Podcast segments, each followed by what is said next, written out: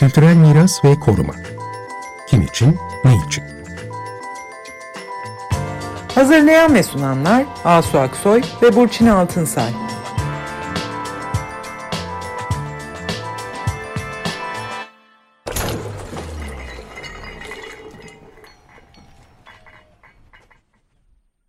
Merhabalar ben Asu Aksoy. Merhabalar ben Burçin Altınsay. Bu akşam Araf'ta bir Beyoğlu sergisi ve projesini konuşacağız. Konuğumuz Asuman Türk'ün.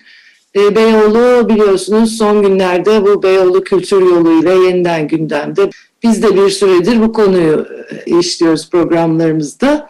Evet bu akşamki konuğumuz Asuman Türk'ün Araf'ta bir Beyoğlu çevrim içi sergisi vesilesiyle sonuçları bizlere sunulan kapsamlı bir bilimsel inceleme çalışması yaptılar. Biz de onu konuşacağız. Hoş geldin Asuman.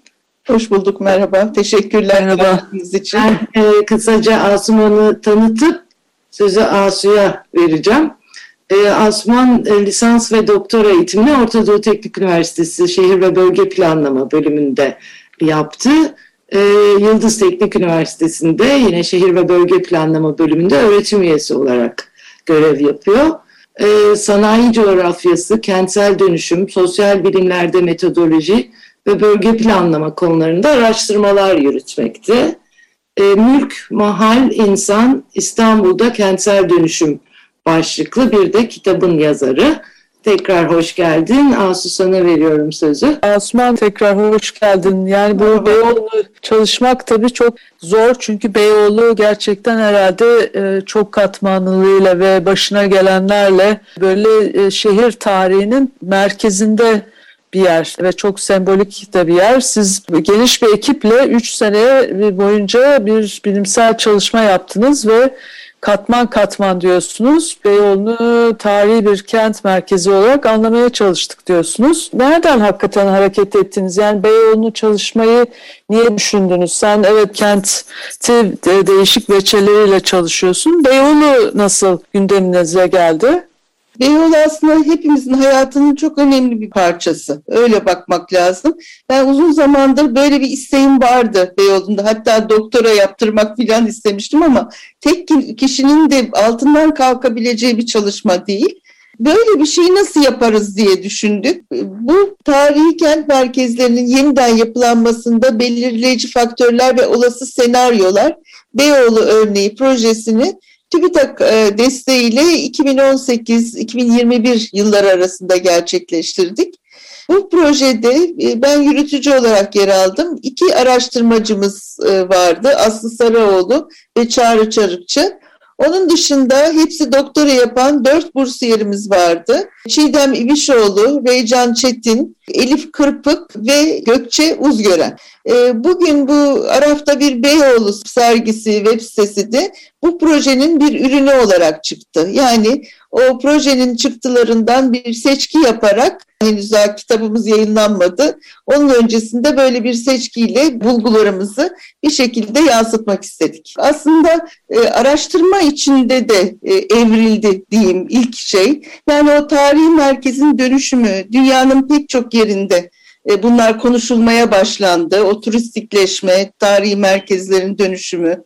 E, Beyoğlu da bundan payını aldı gibi. Ve e, yani biz aslında Beyoğlu'nun daha böyle çıkış döneminde girecektik.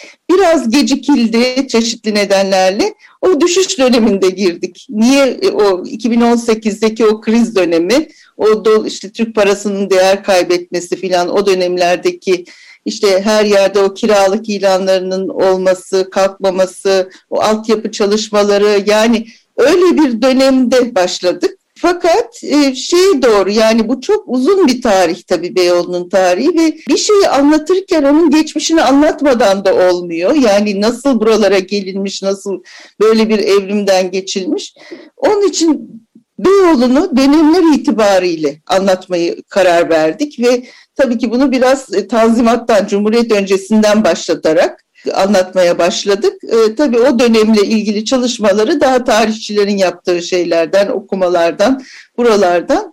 E, bizim esas olarak e, alanda yaptığımız çalışma yani hem haritalama dediğimiz yani alandaki bütün o kullanımları, işlevleri haritaya işlemek böyle bir çalışmamız oldu. Bugünün durumunu saptamak. Oradan bu harita hep bizim bir altyapımızı oluşturdu. Oradan hani sektörleri saptadık, o sektörleri bir örneklemle daha sonra bunun üzerinden bir anket yaptık. Bin bir işletmeyle anket yaptık mesela. Çok yüksek bir rakam bu. Bir yandan da e, projenin en başından itibaren hem sözlü tarih hem derinlemesine görüşmeler yapmaya başladık. Bu da e, yüz küsür görüşmeye ulaştık. Tabii doğal olarak Beyoğlu'nda hem yaşayanlar hem de iş e, sahipleri var. Farklı meslekler var.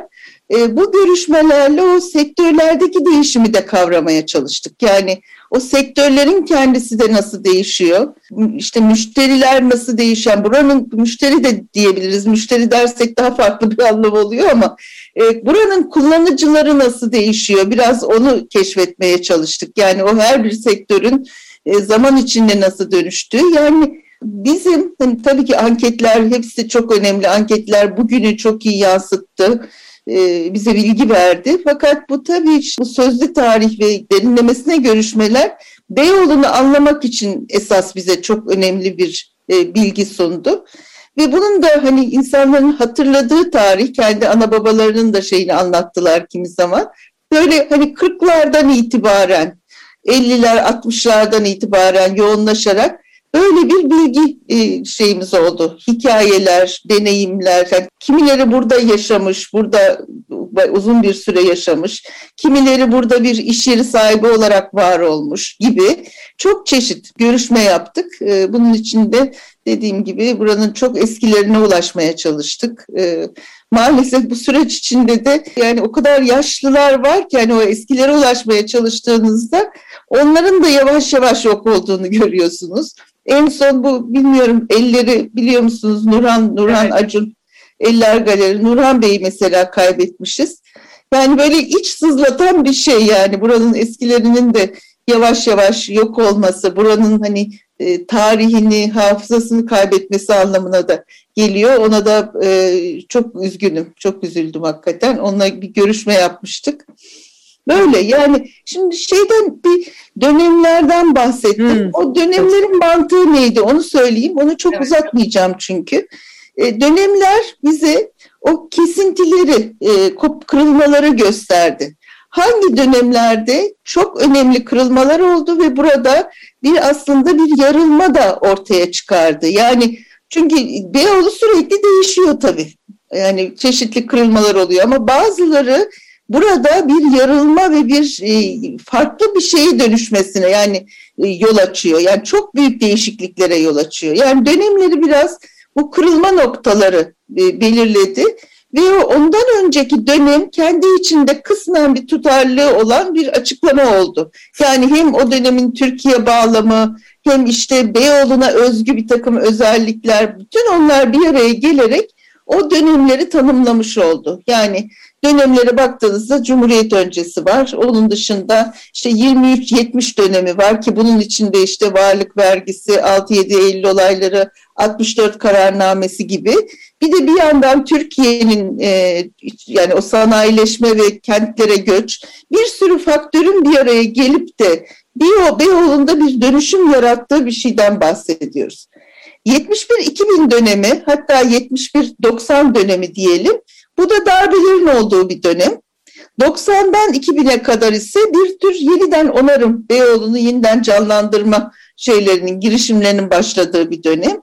2001-2012 e, ise e, şimdi büyük projelerle bu alana girildiği bir dönem. E, ve 2013'ten sonra da bildiğimiz gibi hepimizin işte gezi olayları, aynı zamanda bu bombalama olayı, e, ekonomik kriz, bu, bütün bunların bir araya gelerek bu dönemde tekrar Beyoğlu'nun hani kaybetmeye başladığı bir dönem diyelim. Bir de e, pandemi dönemi, bir de son dönem bunu da kattık. Çünkü Beyoğlu'nda çok büyük bir dönüşüm, yani çok büyük bir e, kırılma yarattı yeniden. Ve aslında şöyle bir soruyla baştan söyleyeyim.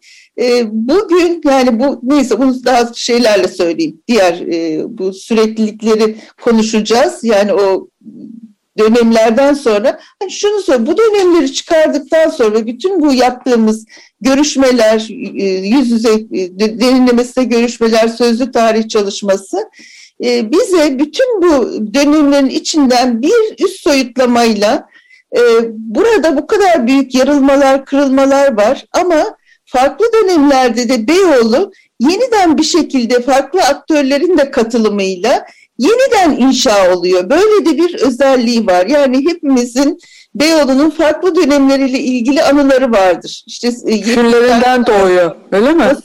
Küllerinden yani, doğuyor mu? Bilmiyorum ki öyle mi demek lazım. Ee, yani Tamamen yanmıyor belki de.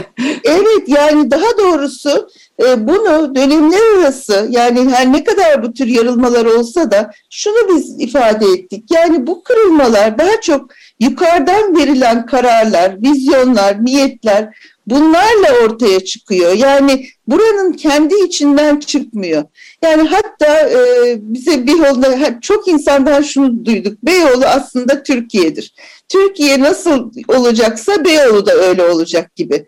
O, yani o daha şeyden hani bir şekilde e, daha üst ölçekten gelen bir sürü şeyin, kararın, vizyonun, e, şeyler, ekonomik tercihlerin, ideolojinin bütün bunların e, burada etkilerinin olduğunu görüyoruz. Yani bu kırılmaları da bunların oluşturduğunu görüyoruz. Ama bir yandan da bir süreklilik var ki o sürekliliği biz aslında onun peşine düştük. Buradaki bu farklı dönemleri arasındaki o sürekliliği sağlayan nedir sorusunu sorduk. Ve bu sürekliliklerde aslında günlük hayatı kuran, sürdüren dinamikler oluyor. Yani o alışkanlıklar, gelenekler, adetler, şimdi bunların insan bunlar insanların gündelik hayatına e, siniyor ve bunlarla birlikte o bir şekilde aktarılarak öbür döneme o bu sefer yeniden başka biçimde tekrar kuruluyor. Yani ama tabii şeyleri inkar edemeyiz yani bu kayıplar var tabii bütün bu kırılmalarda. O kayıpları inkar etmeyiz ama e, bir şekilde o sürekliliği sağlayan unsurlardan da bahsetmek lazım. Siz bu incelemenizi e, sürdürdüğünüz katmanları bütün dönemlerin içinden geçirerek evet, evet. anlamaya çalışıyorsunuz. Evet, evet, evet. Yani, yani bunlar şimdi e, web sitemizde aslında çev, e, çevrim içi sergi e, dediğimiz Araf'ta bir Beyoğlu e, sergisiyle e, izlenebiliyor. Sonuçları görebiliyoruz. Buradan şunu sormak istiyoruz.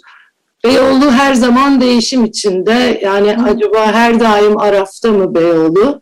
Hı hı. Siz bu Araf'ta kavramını biraz e, bize açıklayabilir misiniz Beyoğlu bağlamında? Evet. Nasıl böyle bir şeye geldiniz? Hı hı.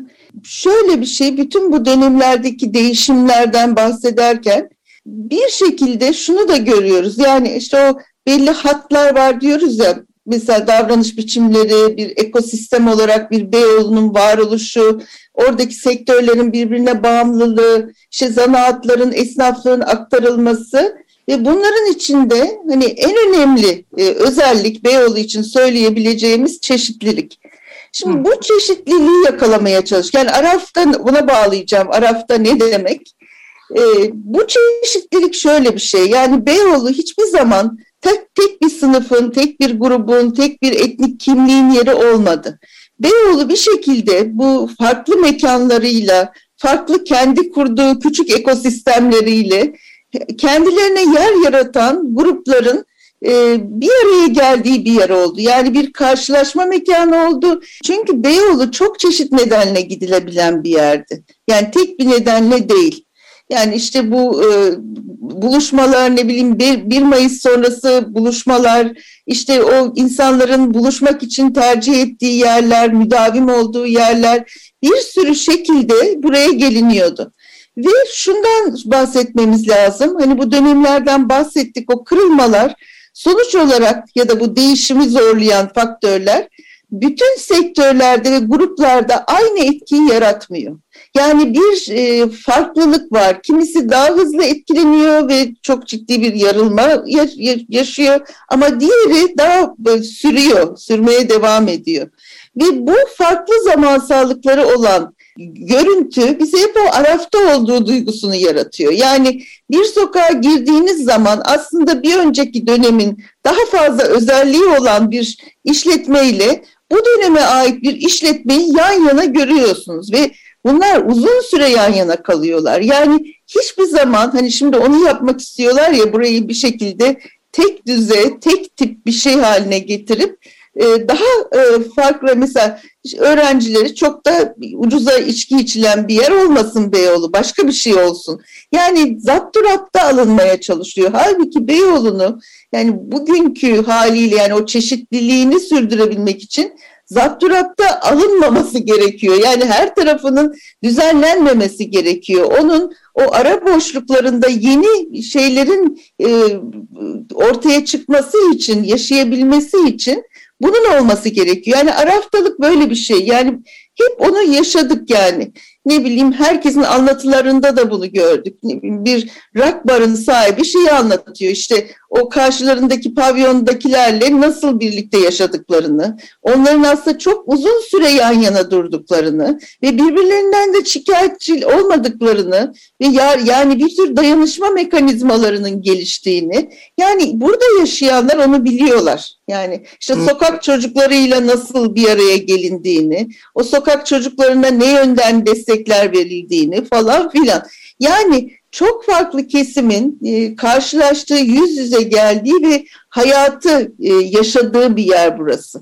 Ve burayı o çeşitlilik, bu farklı zamansallıklar, dönüşümün öyle e, bir seferde olmaması ve de farklı zamanlarda ve dönemlerde olması böyle bir şeyi getiriyor. İşte mesela genel evler. Yani herkes bunu anlatıyor. İşte e, biz buradayken hemen arka sokağımız genel evdi. İşte yürürdük burada şu tür evler vardı. Yani herkesin belleğinde o çokluk duygusu var. Ve bir de insanlar bu kadar farklı şeyi bir araya da buna tanık olunca o zaman şöyle bir duyguda burada bana da yer var duygusu e, geliyor insanlara. Yani o araftalık durumu yani hep böyle bir değişimin olması ama bir zaman, e, aynı zamanda da o çeşitliliğin yan yana olması, farklı zamansallıklar e, insanlara burada daha kolay buraya dahil olma e, duygusunu yaratıyor aslında. Yani en önemli özelliği Beyoğlu'nun bu diyorsunuz. Çeşitlilik, çeşitlilik evet. ve ona izin veren yapısı, o çeşitliliği üreten yapısı aslında. Evet yani işte buradan da şey çıkıyor yani aslında bu çeşitliliğe izin veren e, dokusunu, işte yaşam nasıl diyelim kültürünü korumamız gerekiyor. Hı hı. Fakat e, şunu sormak istiyorum ben de yani son dönem işte bu tarla başının dönüşümü, e, işte e, şeylerin tarihi mekanların böyle AVM'lere falan dönüştürmüş. Yani çok büyük ölçekli dönüşüm e, projeleriyle aslında siz böyle bir şey algılıyor musunuz? Yani öyle bir dönüşüm şu anda geliyor ki işte bu Beyoğlu Kültür Yolu, Taksim'in deki yayalaşma falan bütün bu dönüşümler yani öyle bir yine tepeden bir kırılma dinamiği geliyor evet, ki evet, evet. yani bu bu öyle bir şey yaratacak ki sanki artık bu korumak tam da korumak istediklerimizi artık koruyamayacağız Hı-hı. gibi bir hisse kapılıyor musunuz? Kapıldınız mı? Tabii kapılıyoruz. Yani hani umut e, kesmemek lazım tabii öyle bir şey. Çünkü yine burayı şimdi şöyle demek lazım. Yani e, bir yerin mesela böyle bir yerin e, sadece turizme odaklı bir şekilde Hı. gelişmesi Beyoğlu'na çok büyük haksızlık. Yani çünkü Beyoğlu hepimiz için aynı zamanda bir kamusal alan. Yani o kamusal alan olma özelliğinden uzaklaşıp burayı sadece turistlere uygun bir yer haline getirmek Beyoğlu'na yapılabilecek en büyük haksızlık aslında. Ve buradan kimse memnun olmaz. Yani konuştuğumuz bizim bir sürü insan da bu gidişatın e, kendilerini de zora soktuğunu söylüyorlar. Çünkü hani o ekosistem içinde hepsi birbirini destekliyor çünkü. Sinemaya gelen yeme içmeyi de kullanıyor. Ve bu yerel bağların azalması yani buraya gelen, buraya müdavim olarak burayı sahiplenen, e, aidiyet isteyen insanlar buradan uzaklaştığı sürece yani sadece bir turist bakışıyla buraya gelen insanların olması e, bu şeyi buranın savunulmasını da güçleştiriyor. Yani emek sineması niye bu kadar savunuldu? Çünkü bir herkesin belleğinde emek sinemasının bir yeri vardı, bir anısı vardı ve bu savunulabildi. Ama şimdi mesela şu soruyla biz aslında bitirdik. Bugün hani geleceğe aktarılabilecek bir damar kaldı mı? Ve bütün bu e, Asu'nun söylediği bir sürü işte bu büyük projeler, e, yani büyük sermayenin buraya girmesi, yani akıl almaz şeyler yapılıyor. Mesela buraya alışveriş merkezi yapmak nasıl bir şey? Nasıl bir mantık? Evet. Yani hakikaten akıl almaz. Yani bu kadar sokaktan işleyen bir yapı e, her yere uygulanan e, yöntemlerle bir şey ortaya çıkıyor. Yani alışveriş merkezi yapmak, her yere otel yapmak. Yani bir kere her yere otel yaptığınızda e, turistler e, yani bu e, turistler de bunu istemiyor. Turistler yerel halkında gezdiği, gördüğü, e, bulunduğu yerleri, o tür korunmuş yerleri tercih ediyorlar. Yoksa sadece böyle e, işte ucuz mal satan onlar açısından ucuz mal satan dükkanların içine girip çıkıp e, böyle bir e, şey içinde olmak istemiyorlar. Buraya özgü olanı yakalamak istiyorlar ama bu kadar çok otel şimdi her şeyin otele dönüştüğünü görüyoruz. Evet. Çok yani, uzun zamandır aslında Beyoğlu'nda e, kültürel anlamda yani işte rock barlarından tutun da yani onun bütün et, e, ekosistemi onlar uzun zamandır yoklar terk ettiler Beyoğlu'nu ve evet. Beyoğlu geçen gün düşünüyordum ben de yani Beyoğlu böyle bir insan seli İstiklal Caddesi'nden akan bir insan seli şeklinde. O kadar. O kadar. o kadar. Yani başka evet. hiçbir şey yok Beyoğlu'nda evet. ee, ve bizler de dolayısıyla yani Beyoğlu'lular da başka tür bir e, belki eğlence yerine de bir yandan da dönüşüyor. Ama şu e, Asuman'ın söylediği yani bu işte turistik hale getirmek içeriden değil dışarıdan bakışla üretildiği için bu kararlar ve tepeden inme olduğu için Beyoğlu'nu anlamadan yapılan şeyler. Yani evet, siz evet. bu kadar incelemenin sonunda diyorsunuz ki burayı burası yapan zaten bu çeşitlilik ve evet, çokluk. Evet. En önemli özelliğinin o olduğunu yani öbür türlü bir e, dekora dönüşüyor. İşte bakılıp evet. gezilip gidilecek bir yere. Yani hatırlarken de Beyoğlu bir de onu da soralım. Ee, nasıl hatırlamalıyız? Yani Beyoğlu kimliği dediğimiz aslında biraz önce biraz cevabı da oldu bunun ama siz orada bir şey daha yaptığınızı söylüyorsunuz. Yani bu nostaljiyle perdelenmemiş veya sürekli tekrarlanarak anlatılan hikayelerle e, perdelenmenin ötesinde bir şeylere de bakmışsınız evet, evet. geçmişiyle ilgili. Evet, evet. Yani nasıl hatırlamalıyız Beyoğlu kimliğini? Onu da biraz konuşalım.